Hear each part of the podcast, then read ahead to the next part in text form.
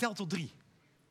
Eén, twee, drie. Pff, Het is hier geen hotel. Laat je zusje met rust. Laat je broertje nou gewoon eens een keer met rust. Waarom? Daarom. Gewoon omdat ik het zeg. Wie betaalt hier de rekening? Pff. Als je nu niet ophoudt, dan gaat die tablet gewoon de deur uit. Ik ben het helemaal zat. Honger? Hè? Honger? In Afrika. Ja, daar hebben ze honger. Jongen, jongen, jongen. Z- zoiets? Is dat het? Beetje. Wat ik zie, is dat je dit lastig vindt. Klopt, hè? Aha. Dat begrijp ik. Je hebt vroeger ook niets anders te horen gekregen. Nee. Maar ik weet dat je dit kan. We hebben dit geoefend. Ja. Tjeerd, kijk me eens aan. Ja, Jij kan dit. ik eh, kan dit. Krachtiger. Ik eh, kan dit. Zullen wij gaan oefenen? Oké, Ja, dan ga ik Brammetje erbij halen.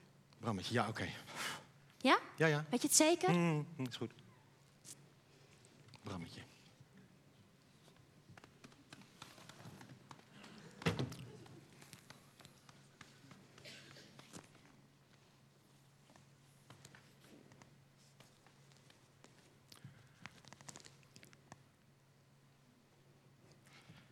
Hoi pap, Hi, Brammetje. wat is Hi, er? hi Brammetje. Ja, eh, ik, eh, ik wil je wat vertellen. Oh, Ja.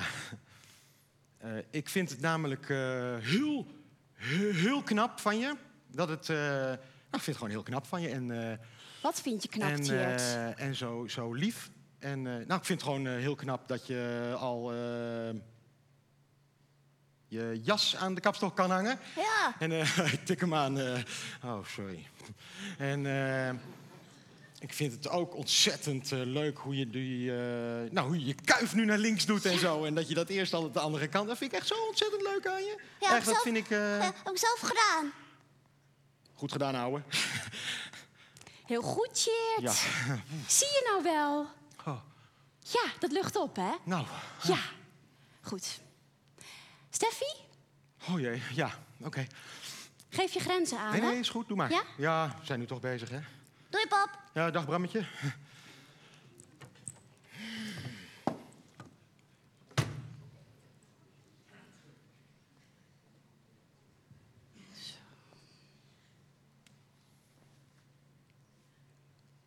Hoi papa. Hi Steffi. Hi Steffi. Hallo. Hoi. Kijk haar maar aan. Oh, hoi Steffi. Hi. Wat is er? Nou, eh, ik. ehm, Ik wilde jou ook wat vertellen. Eh, ik wilde zeggen dat ik. eh, Nou, ik ben zo ontzettend trots op je. En ik vind het zo ontzettend eh, Een voorbeeld, Tjeerd. een knap van je dat je zoveel vriendinnen hebt. Ja, Roze, Julia, Ja, Elisa. ja, ja. En dat je. Noem iets wat ze leuk vindt. Oh ja, ja, ja, dat je zo goed kan balletten en zo. Dat je kan je, kan je zo mooi en dan. oeh, vind ik zo knap van je. Maar, Ja. maar ik zit helemaal niet op ballet. Oh jee. Ehm. Ik vind het eh, zo ontzettend knap en. eh, ik vind het zo ontzettend knap en leuk dat je steeds meer op je moeder gaat lijken. En die is ook zo lief. En, en als ik dan s ochtends beneden kom, dan staat mijn ontbijt klaar en mijn kopje koffie. En dan is mijn mooie overhemd van de Hubo gestreken. En dan kan ik naar mijn werk en dan kom ik thuis uit mijn werk en dan is de tafel gedekt. En op zaterdag was ze mijn auto. Mm. En eh, dat vind ik zo, zo ontzettend leuk aan je. Nou, weet je, dat vind ik nou zo leuk aan je. Dat je zo lief, je moeder is zo lief, dat vind ik zo leuk aan jou. Hartstikke goed, Tjeerd. Hm. Kijk, dat bedoel ik nou. Mhm. Zoals jij over je vrouw praat, zo moet je naar je kinderen. Oké. praten. Ik, eh, nee. Ik denk niet dat ik, eh, dat ik dat zou kunnen. Nee, nee, dat kan ik echt niet. Nee, ik denk niet dat ik dat kan.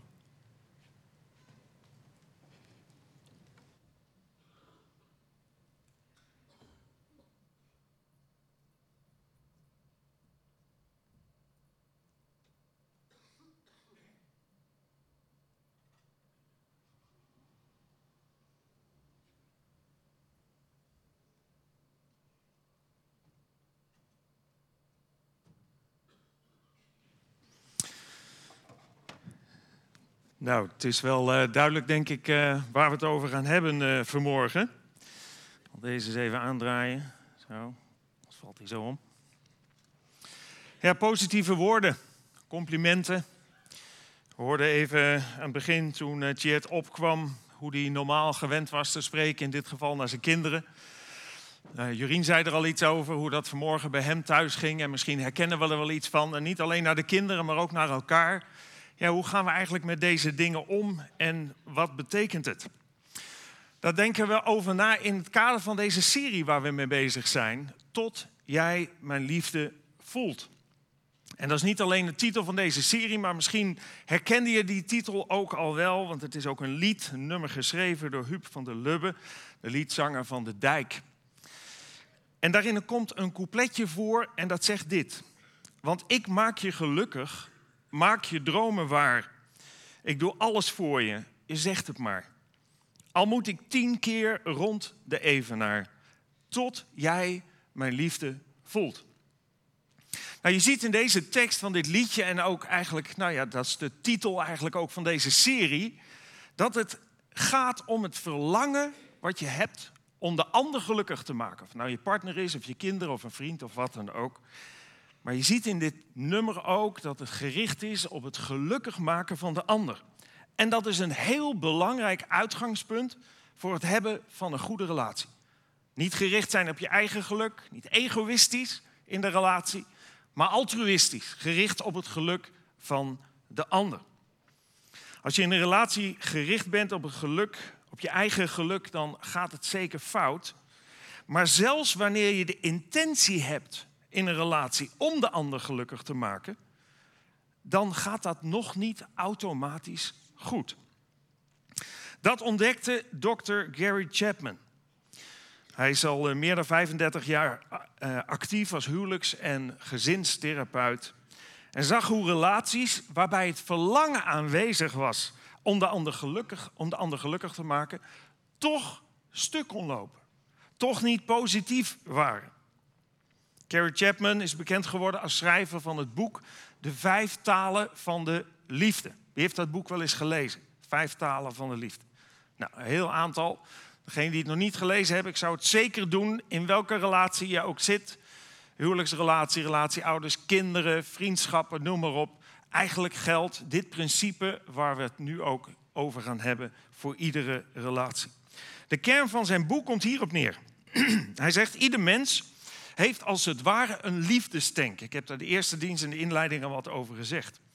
Als je liefde geeft, uitdeelt aan anderen, zou je kunnen zeggen, dan tap je uit die liefdestank. Zo geeft hij dat voorbeeld. Maar als je liefde krijgt van anderen, ja, dan vult dat je liefdestank.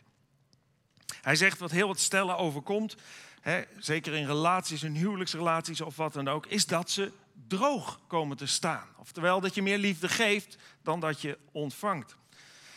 Um, maar heel vaak ook omdat de liefde die misschien wel gegeven wordt, niet als liefde door jou wordt ervaren. Dus het is niet alleen dat je geen liefde krijgt, maar dat je bij wijze van spreken die liefde krijgt die voor jou geen positieve impact heeft. Ja, als ik behoefte heb aan eten en iemand zet mij een bord tuinbonen voor, dan kan het nog zo voedzaam zijn. En van mijn part zit het vol met gezonde vezels, mineralen en vitamintjes en wat iets meer zij. Toch maak je mij daar niet gelukkig mee. Ik heb wel honger en het is voedsel, maar je maakt er mij niet gelukkig mee. Want ik houd helemaal niet van die typisch bittere tuinbonensmaak. Ik weet niet hoe het jou vergaat. Vroeger noemde ik het, als we thuis aten, grote tenenbonen. Ik heb ook een zo vies mogelijk plaatje opgezocht. Want misschien vind jij het wel lekker, maar zo ziet het er voor mij uit. Altijd ook een beetje zo'n vies vergiet en zo. maar ik vond het echt altijd ontzettend vies als wij dat thuis aten. En ik zag, ik was even dit plaatje aan het opzoeken. Toen zag ik dat ze zelf recepten hebben met tuinbonen. Toen dacht ik, wat jammer van al die andere ingrediënten die je daarbij gooit. Ik kwam dit recept tegen van Portugese tuinbonen. En moet kijken, dat doen ze in. Vijf eetlepels olijfolie, drie grote uien, twee tenen knoflook, twee eetlepels gemalen chili, is lekker heet. Twee eetlepels tomatenpuree, een beetje water. Een flinke handvol fijn geknipte verse peterselie. Zout naar smaak, een afgestreken theelepel, vers gemalen zwarte peper. En twee volle theelepels paprika poeder. En dat is allemaal om de smaak te elimineren van 1 kilo tuinboontjes. Want dat moet je er dan bij doen. 1 kilo tuinbootjes, fijn of extra fijn? Nou, voor mij is het nooit fijn. en dat kan heel verschillend zijn. Want het kan best zijn dat tuinbonen een van jouw favoriete malen is. Dat je denkt van dat vind ik heerlijk. Nou, zoals iedereen een verschillende smaak heeft, wat eten betreft, ontdekte Gary Chapman dat er ook, je zou kunnen zeggen, smaken in de liefde zijn. En hij noemt dat liefdestalen. Heel verschillende liefdestalen. Hij ontdekte er een heel aantal. En hij ontdekte ook dat als jouw favoriete liefdestaal wordt gesproken, dat dat jouw liefdestank vult met een enorm tempo. En wanneer jouw liefdestaal lange tijd niet wordt gesproken, ja, dan komt je liefdestaal, je liefdestank leeg te staan met alle gevolgen van dien. De, de vijf talen die hij ontdekte zijn tijd en aandacht, oftewel samen zijn, positieve woorden, daar hebben we het vandaag over, dat positieve woorden naar je worden gesproken cadeaus, wanneer je een cadeau krijgt, dienstbaarheid, hulpvaardigheid, dat je geholpen wordt en lichamelijk contact, intimiteit, seksualiteit, een knuffel, alles hoort daarbij. Ja, nu is het zo, dat zei ik al, dat iedereen zijn favoriete liefdestaal heeft. En als het goed is, ken je je eigen liefdestaal inmiddels. Als je tenminste ook twee diensten geleden hierbij bent geweest. Wie heeft de test gedaan? Deze test Ah, dat zijn er best een heleboel. Voor wie was het ontdekken van je eigen liefdestaal verrassend? Een enkeling, een enkeling. Nou, dat, dat kan hoor. Dat kan zijn dat je denkt, nou, dat is me nooit zo opgevallen dat dat mijn liefdestaal is. Maar de meeste was het niet zo verrassend voor. Voor wie was het ontdekken van de liefdestaal van je partner of van je vriend verrassend? Nou, dat zijn er ook weinig. Dus jullie wisten het allemaal al. Oké, gaan we koffie drinken. Ja, wat uit dat wetenschappelijk onderzoek van Gary Chapman naar voren kwam, is dat we van nature geneigd zijn, en dat is ook wel logisch, onze eigen favoriete liefdestaal te spreken naar de ander. Maar koppels hebben zelden of nooit dezelfde liefdestaal. Dus als ik, je zou kunnen zeggen, als ik heel erg van uh, patat hou, zeg maar, dan ben ik geneigd om iedereen die ik, die, die ik aardig vind en die, ik, die, wil ik allemaal patat geven. Want ik vind dat zo ontzettend lekker.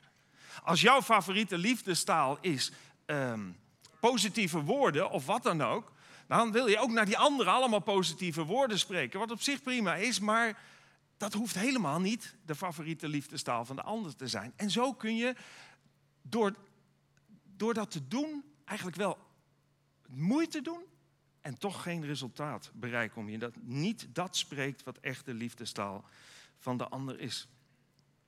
En dat is heel frustrerend. Het is belangrijk dus om te ontdekken wat die liefdestaal van je partner is, om die taal dan vervolgens ook te leren spreken. Vorige week heeft Martin stilgestaan bij de eerste liefdestaal, tijd en aandacht. Voor wie is aandacht, tijd en aandacht de eerste liefdestaal? Heel groepje. Wie durft zijn hand niet op te steken? Um, ben je aan je trekken gekomen de afgelopen periode? Heb je erover kunnen praten? Ben je in staat geweest om duidelijk te maken, zeker als het gaat om een, om een, om een liefdesrelatie? Ben je in staat geweest om duidelijk te maken waarom het zo belangrijk is en wat het met je doet en ook hoe je dat vorm kunt geven? Want dat is belangrijk om daar met elkaar over te praten. Nou, vandaag staan we stil bij de tweede liefdestaal. Positieve woorden of bemoedigende woorden of complimenten, hoe je het ook wil noemen.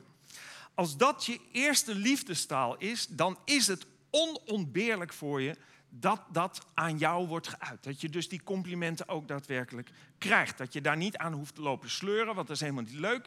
Maar dat je spontaan, omdat je partner weet dat dat jouw liefdestaal is, dat je ook regelmatig die complimenten krijgt. Dat geeft je een boost, dat geeft je een gevoel van waardering, dat geeft je een positief zelfbeeld. En daardoor ook vaak moed om dingen te doen, moed om het leven te leven.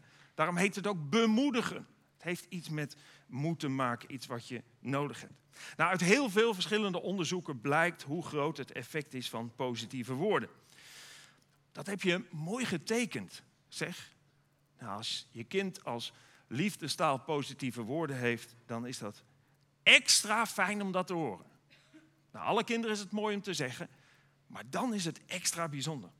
Ik ben zo blij dat ik je weer zie. Positieve woorden. Je hebt weer heerlijk gekookt. Kijk, nog iets bedenkelijk, maar. Wat een prachtig haar heb je. Nou, misschien denk je, ja, dat maakt me niet zoveel uit als iemand het zegt. Maar als jij dat als liefdestaal hebt wel. Dat heb je zo mooi en liefdevol voor me gezongen. Allemaal complimenten. En dat zijn leuke dingen om te horen. In de Bijbel komen we tegen wat het effect van complimenten is. In het boek Spreuken, je zou kunnen zeggen dat zijn allemaal tegeltjes wijsheden die je geneigd bent aan de muur te hangen. Uh, geschreven, de meeste daarvan door die wijze koning Salomo, die deze dingen als levenslessen meegaf aan iedereen die in wezen onervaren is in het leven. In de Bijbel kom je in dat boek Spreuken ook die levenslessen tegen, die gaan over dit thema. Er staat: zorgen maken het hart van de mens verdrietig. Maar een bemoedigend woord, oftewel een compliment, maakt het weer blij. En zeker wanneer dat jouw liefdestaal is. Een andere tekst, ook uit hetzelfde boek. Vriendelijke uitspraken zijn als een honingraad. Zoet voor het verstand, dus het doet zelfs iets in je denken. En een medicijn voor het lichaam. Zoveel impact, zo positief kunnen complimenten werken. Het is voor de hand liggend, overigens, dat negatieve woorden het omgekeerde effect hebben. En dat staat er ook in hetzelfde boek.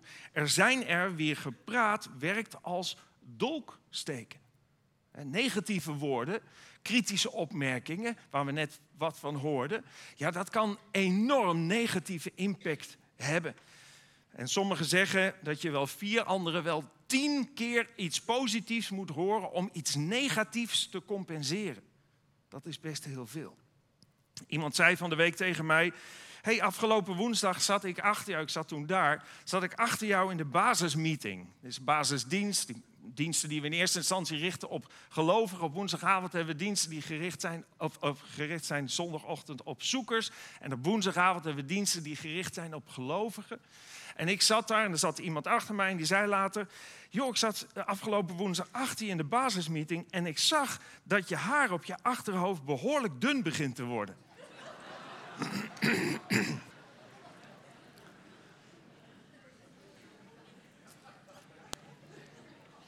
Ik weet niet hoeveel positieve woorden daarvoor nodig zijn.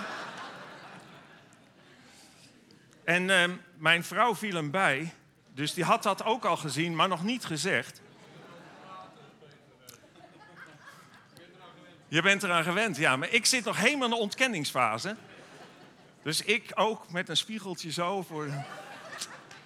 Ja, het is echt waar. Het is echt waar.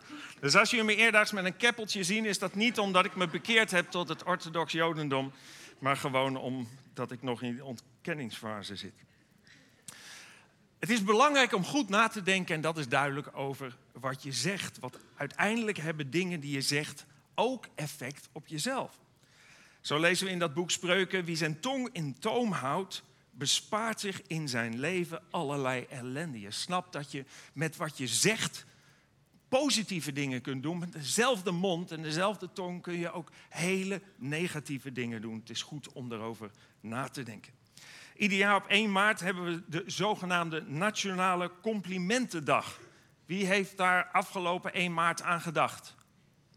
Dat is niet breed bekend, hè? dat dacht ik al. Een enkeling maar. Het is een van de vele initiatieven om ons bewust te maken van het belang van het spreken van positieve woorden. Negatieve dingen zeggen gaat ons heel gemakkelijk af over het algemeen. Positieve dingen, ja, dat is veel lastiger. Dat vraagt wat oefening. omdat het effect zo groot is, ook voor jezelf overigens zo groot is. Hè? Dat zeggen we ook. Wie goed doet, goed ontmoet. Oftewel, dat komt weer bij je terug. Ehm, de slogan van de complimentendag is waardeer en je krijgt meer. Oftewel, het heeft een positief effect. En omdat het effect van complimenten geven aan de ander ook zo positief is naar jezelf, is het des te belangrijker om daar aandacht aan te besteden. Nog één tekst uit Spreuken. Wie iets goeds zegt, voedt zich met zijn eigen woorden. Terwijl zelfs het uitspreken van een compliment, ook al is het gericht op de ander, heeft al een positief effect op jezelf. Van wat hij tot stand brengt, profiteert hij zelf. Allemaal adviezen om positieve woorden te spreken. Nou, voor ik verder ga, geef ik je nu alvast huiswerk voor de komende week. Want heb ik gezegd, deze hele serie gaan we met huiswerk naar huis. Neem vijf mensen in gedachten de komende dagen, of zeg maar vandaag nog het liefst. Neem vijf mensen in gedachten die je regelmatig ziet of spreekt. In eerste instantie je partner als je die hebt. Ehm, en daarnaast bijvoorbeeld een goede vriend of vriendin, ouder, broer, zus, kinderen, collega's, noem maar op. Pak een klapblok, schrijf de vijf namen op.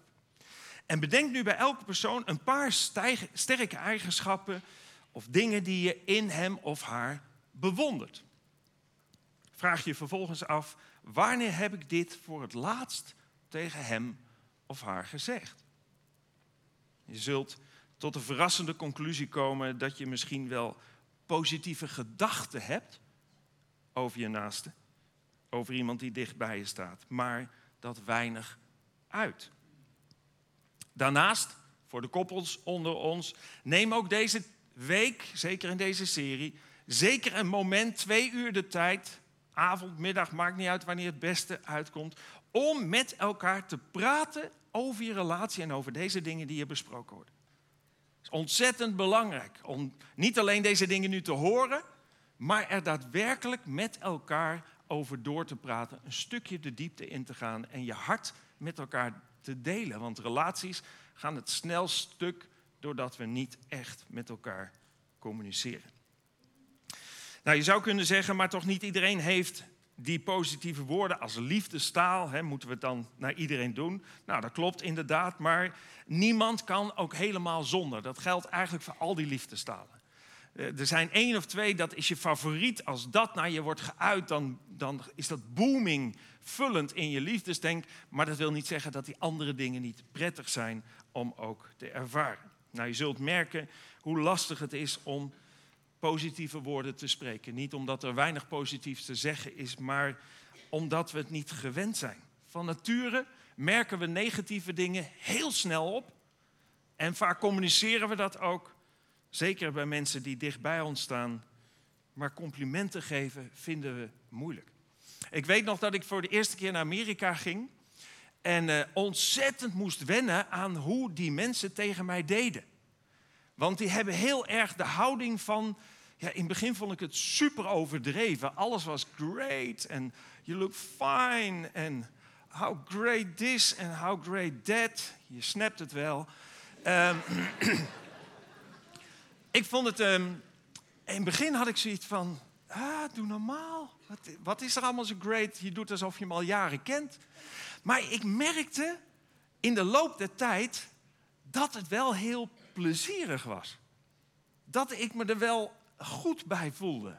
Dat ik het fijn vond dat ze me zo positief bejegenden in plaats van al die kritische kanten die je zo snel kunt hebben. Ik weet nog toen ik zelf mijn bedrijf nog had en personeel had, maakte ik ook de denkfout zelf.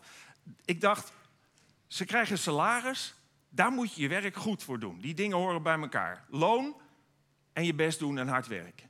Maar doe je het verkeerd, dan krijg je kritiek. Dat was de manier waarop ik daarmee omging. En ik moest ontdekken door schade en schande dat loon helemaal niet een beloning is voor goed werken. Dat je dat, daar wen je aan en dat gaat er gewoon weer uit. Dat komt op je, op je rekening en dat geef je weer uit. Nee, dat ten opzichte van goed werken complimenten horen. En ten opzichte van natuurlijk dingen die fout gaan, misschien ook kritische geluiden. Zeker, dat hoort erbij. Maar niet loon ten opzichte van goede dingen en kritiek als je iets niet goed doet. En dat heeft me geholpen om dat te ontdekken. Een paar aantekeningen bij positieve woorden. Ten eerste, overdrijf niet. Dat, het moet wel echt zijn natuurlijk. En dat is best een beetje zoeken. En daarbij, een compliment moet ook wel gemeend zijn. Wees eerlijk als je iemand een compliment geeft. En zeg niet maar zo wat. En zelfs als je het moeilijk vindt in een bepaalde situatie om een compliment te geven, of misschien moet je wel eerlijk zijn over wat je ziet, dan kun je toch, als je moeite doet, best nog iets positiefs zeggen. Als je bijvoorbeeld op bezoek gaat bij iemand. Dan kun je zeggen: Zo, hij zit al best stevig. nou, misschien is stevig niet het goede woord, maar. Je kunt altijd wel iets positiefs bedenken. Zonder oneerlijk te hoeven zijn. Nou, het lijkt gemakkelijk, maar positieve woorden spreken is best moeilijk. Een moeder probeerde haar zoon te bemoedigen toen hij verdrietig thuis kwam. Mama, ze zeggen dat ik loens, hè, een beetje schil kijk. Waarop de moeder zegt, wat kan jou dat schelen, Jantje? Ah, dus, dat is niet lief. Dat is, dat is niet lief. En soms vatten we een compliment ook verkeerd op. Dat kan ook gebeuren. Dat is een leuk verhaaltje. Een vader staat met zijn zoontje bij de bakker, beetje druk, als een vreselijk opgetutte dame binnenkomt. Het jochie kijkt haar een tijdje aan totdat de vrouw vraagt: Wat is er, knul? U bent zeker 18, zegt jochie. Zeg dat nog eens. U, u bent zeker 18. De vrouw begint te stralen en roept door de drukke zaak: Horen jullie dat? Hij denkt dat ik 18 ben. Leuk hè, maar ik ben 36. Jochie kijkt haar vertwijfeld aan en zegt dan: Daar snap ik niks van. U komt gelijk na ons binnen en wij hebben nummer 17. Dan moet u toch nummer 18 zijn.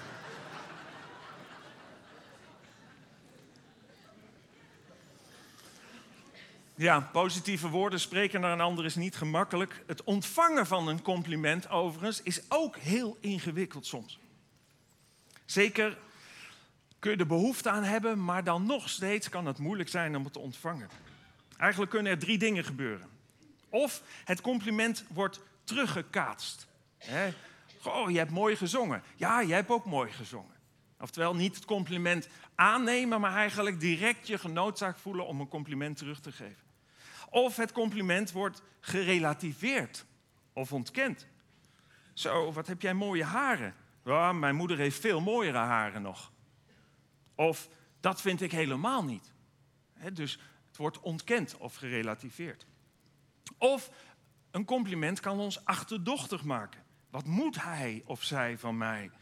Als een autoverkoper iets positiefs tegen je zegt, denk je misschien ja, maar dat gaat er maar alleen maar om om een auto te verkopen. Dat heb je soms ook in een winkel. Als je binnenkomt, mensen dingen tegen je zeggen, je denkt, ja, jek, je wil iets van me. Verkopen meestal.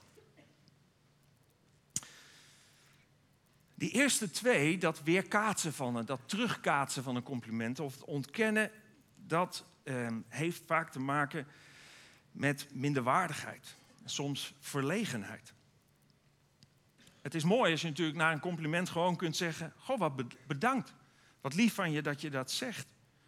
Maar heel veel mensen brengt het in verlegenheid. Ik vind het zelf eerlijk gezegd ook lastig als je een compliment krijgt. En om dat te voorkomen dat je iemand in verlegenheid brengt, maar wel het compliment kan incasseren, kun je het beste een compliment geven in drie stappen. Gaan we nu ook al leren hoe je een compliment moet geven? Ja, want dat helpt enorm om te kunnen complimenteren naar iedereen. Je begint met een waarneming, dan geef je het compliment en dan stel je vraag. Ik zal je een voorbeeld geven. Hé, hey, je hebt een nieuwe blouse aan. Dat klopt inderdaad. Die kleur staat je goed. Waar heb je die gekocht? Waarneming, je hebt een nieuwe blouse aan. Die kleur staat je goed, compliment. Waar heb je die gekocht? Ander voorbeeld, je bent bij de kapper geweest. Wat een mooie lengte. Wanneer ben je geweest? Constatering, compliment en een vraag. Als de vraag beantwoord wordt, en dat gebeurt bijna altijd, heeft hij of zij bewust of onbewust, en beide heeft hetzelfde positieve effect, het compliment kunnen ontvangen. Waarneming, compliment en een vraag. De vraag moet natuurlijk wel positief zijn. Niet, hé, hey, je bent bij de kapper geweest, wat een mooie lengte, wanneer maken ze het af? dan, dan heb het niet het effect van wat je wil bereiken. Wees creatief. Probeer te ontdekken wat de favoriete liefdestaal is van je kind, van je vriend, van je partner. Is dat positieve woorden, dan zullen deze nogmaals een enorm effect hebben op de liefdestink van die personen. Ik sluit af met nog een waarschuwing en een tip. Uit onderzoek, nieuw onderzoek, blijkt dat overmatig prijzen leidt tot narcistische trekjes bij kinderen. Het maakt overmoedig en kan leiden tot een onrealistisch positief zelfbeeld. narcisme is blinde eigenliefde, jezelf geweldig vinden. Wat deze onderzoeken eigenlijk zeggen is, wij zijn zo omgeslagen van doe maar gewoon en, en meer de negatieve kant naar de ultra positieve kant. Wat ben je geweldig, je bent een kei, je bent, er is er maar één zoals jij en noem allemaal maar op wat tegenwoordig allemaal tegen kinderen wordt gezegd.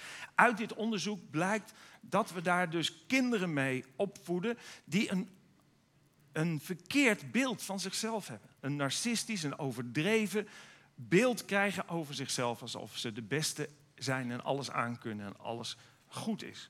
Dat is een reële waarschuwing. Soms zie je dat ook hè, bij die audities van, van Idols had je dat vroeger en X-Factor en noem maar op.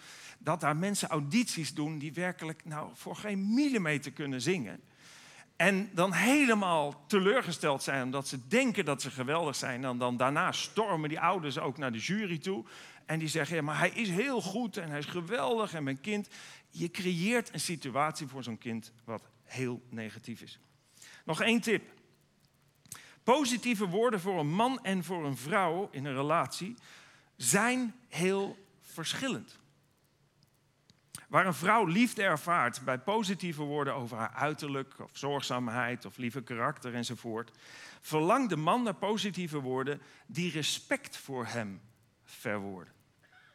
Een vrouw wil bewonderd worden, een man wil gerespecteerd worden. En allebei zijn dat voor hen specifiek positieve woorden.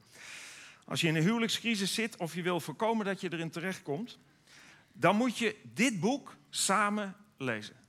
Het is een ongelooflijk belangrijke um, materie om te begrijpen dat positieve woorden en bepaalde manier van omgang met elkaar voor een vrouw het verlangen totaal anders ligt dan voor een man. Waar een vrouw behoefte heeft aan liefde, heeft een man behoefte aan respect. En voor je het weet zit je, hoe dat boek het noemt, in zo'n negatieve spiraal. Waarin je eigenlijk geen idee hebt wat er nou toch gebeurd is, waardoor je zo ten opzichte van elkaar doet. De carousel van de gekte of zo noemen ze het in dat boek. Ontzettend goed boek om te lezen. Soms hoor ik mensen zeggen tot slot, ik kan het niet opbrengen om de liefdestaal van mijn partner te spreken. De tank is leeg, de koek is op. Ik heb geen energie meer om dit experiment aan te gaan. Nou, dan zou ik je willen zeggen, word je misschien opnieuw of misschien voor het eerst van één ding bewust. God spreekt iedere liefdestaal perfect. Alles waar je ten diepste behoefte aan hebt, Daarbij is God in staat om je dat te geven, los van mensen om je heen. Ik zou zeggen, ga de Bijbel, ga de Bijbel eens lezen. Er staan in de Bijbel ontzettend veel positieve woorden, maar je gaat ook ontdekken waarom God de bron van liefde is. En waarom God de bron van positiviteit in je leven wil zijn en hoe Hij dat kan worden. Probeer eens te bidden. Zelfs in moeilijke tijden. Misschien ben je het helemaal niet gewend. Misschien ben je helemaal niet gelovig. Misschien heb je die ervaring niet. Dan zou ik zeggen, probeer het maar. Zeg maar, Heer God, ik weet helemaal, ik, misschien praat ik wel gewoon tegen het plafond. Ik weet niet of u bestaat. Ik ken u niet, ik ervaar u niet. Maar als u echt bestaat, wilt u zich dan aan mij bekendmaken? En één ding kan ik beloven. Als dat een oprecht verlangen is, dan zal God zich ook aan je bekendmaken. Niets of niemand is beter in staat om je liefdestank te vullen dan God alleen. Jeremia 29 staat, want ik weet welke plannen ik voor je heb, zegt de Heer. Met deze plannen heb ik voor jou het goede op het oog en niet het kwade. Ik wil je weer een toekomst en nieuwe hoop geven. Dit zei God tegen het volk Israël toen ze in Babylonische ballingschap waren, toen het alles donker was in de periode van Israël en er geen lichtpuntje leek te zijn. Toen zei God, maar ik heb het goede met je voor. Je hebt een keuze gemaakt om mij terzijde te schuiven. Je hebt de bron van liefde aan de kant geschoven en het is donker geworden bij jullie. En jullie zijn duistere dingen gaan doen en daarom ben je in deze misère terechtgekomen. Maar het is mijn verlangen om je eruit te halen. Het is mijn verlangen om je een mooie en een goede toekomst te geven. Het is mijn verlangen om je huwelijk of je relatie die zo in donkerte is gekomen, om daar licht in te brengen. Het is mijn verlangen om je liefdestank te vullen. Dat is wat God zegt. En nogmaals, niets of niemand kan jouw liefdestank beter vullen dan God. En het mooie is, als God je liefdestank vult, ben je niet meer afhankelijk van mensen om je heen, niet van je partner. Hoef je geen druk te leggen op anderen om jou te geven waar jij behoefte aan hebt. Maar kun je eigenlijk net zo lang liefde geven, puttend vanuit die onuitputtelijke bron van liefde die God is, totdat je liefde beantwoord wordt. Tot de ander jouw liefde voelt. Ik wil graag voor je bidden. Dank u wel, Heere God, dat u een God van liefde bent. Heer, en als we die liefde niet ervaren, niet kennen, dan zegt uw woord dat dat alles te maken heeft met het feit dat wij zelf u terzijde hebben geschoven. Niets met u te maken willen hebben of u niet kennen, er niet meer opgegroeid zijn, wat het ook is. Heer, maar ik heb in mijn leven mogen ontdekken dat u een God van liefde bent. En dat ik met al mijn eigen wijsheid en mijn eigen inzichten, zoals ik probeerde mijn leven in te vullen, niet dat geluk vond wat u alleen kunt en ook wilt geven. En ik wil u bidden, Heer, voor iedereen die hier zit. U kent ons hoofd voor hoofd. U kent onze vreugde in ons leven, maar u kent ook de diepste momenten van verdriet en pijn en teleurstelling en hopeloosheid en dingen die kapot gaan in relaties. En u wilt ons hoop geven. U wilt ons vrede geven in ons hart. U wilt ons rust geven. Heer, ik wil u bidden of u ons hart wilt aanraken met uw liefde. Zoals u dat alleen kunt. Ik wil u bidden, Heer, of u ons wilt aanraken zodat we nieuwsgierig worden en op zoek zullen gaan naar de God die u werkelijk bent. Een God van liefde. U houdt van ons. En dat wilt u tegen ons zeggen. Ik hou van je. En ik verlang er zo naar. Dat je mijn geluk, mijn liefde leert kennen in je leven. Heer, dank u wel dat u het iedere dag nog uitdeelt. En steeds opnieuw uw hand naar ons uitstrekt en zegt: Voor jou heb ik ook mijn zoon, de Jezus Christus, gegeven. Naar deze aarde gestuurd. Voor jou, voor jouw tekortkomingen is hij gestorven. Met zijn leven heeft hij de prijs betaald. Zodat je opnieuw kan worden aangesloten op de bron van leven. Op de bron van liefde. Dank u wel, Heer, dat u het ons ook vandaag nog geven wilt. Amen.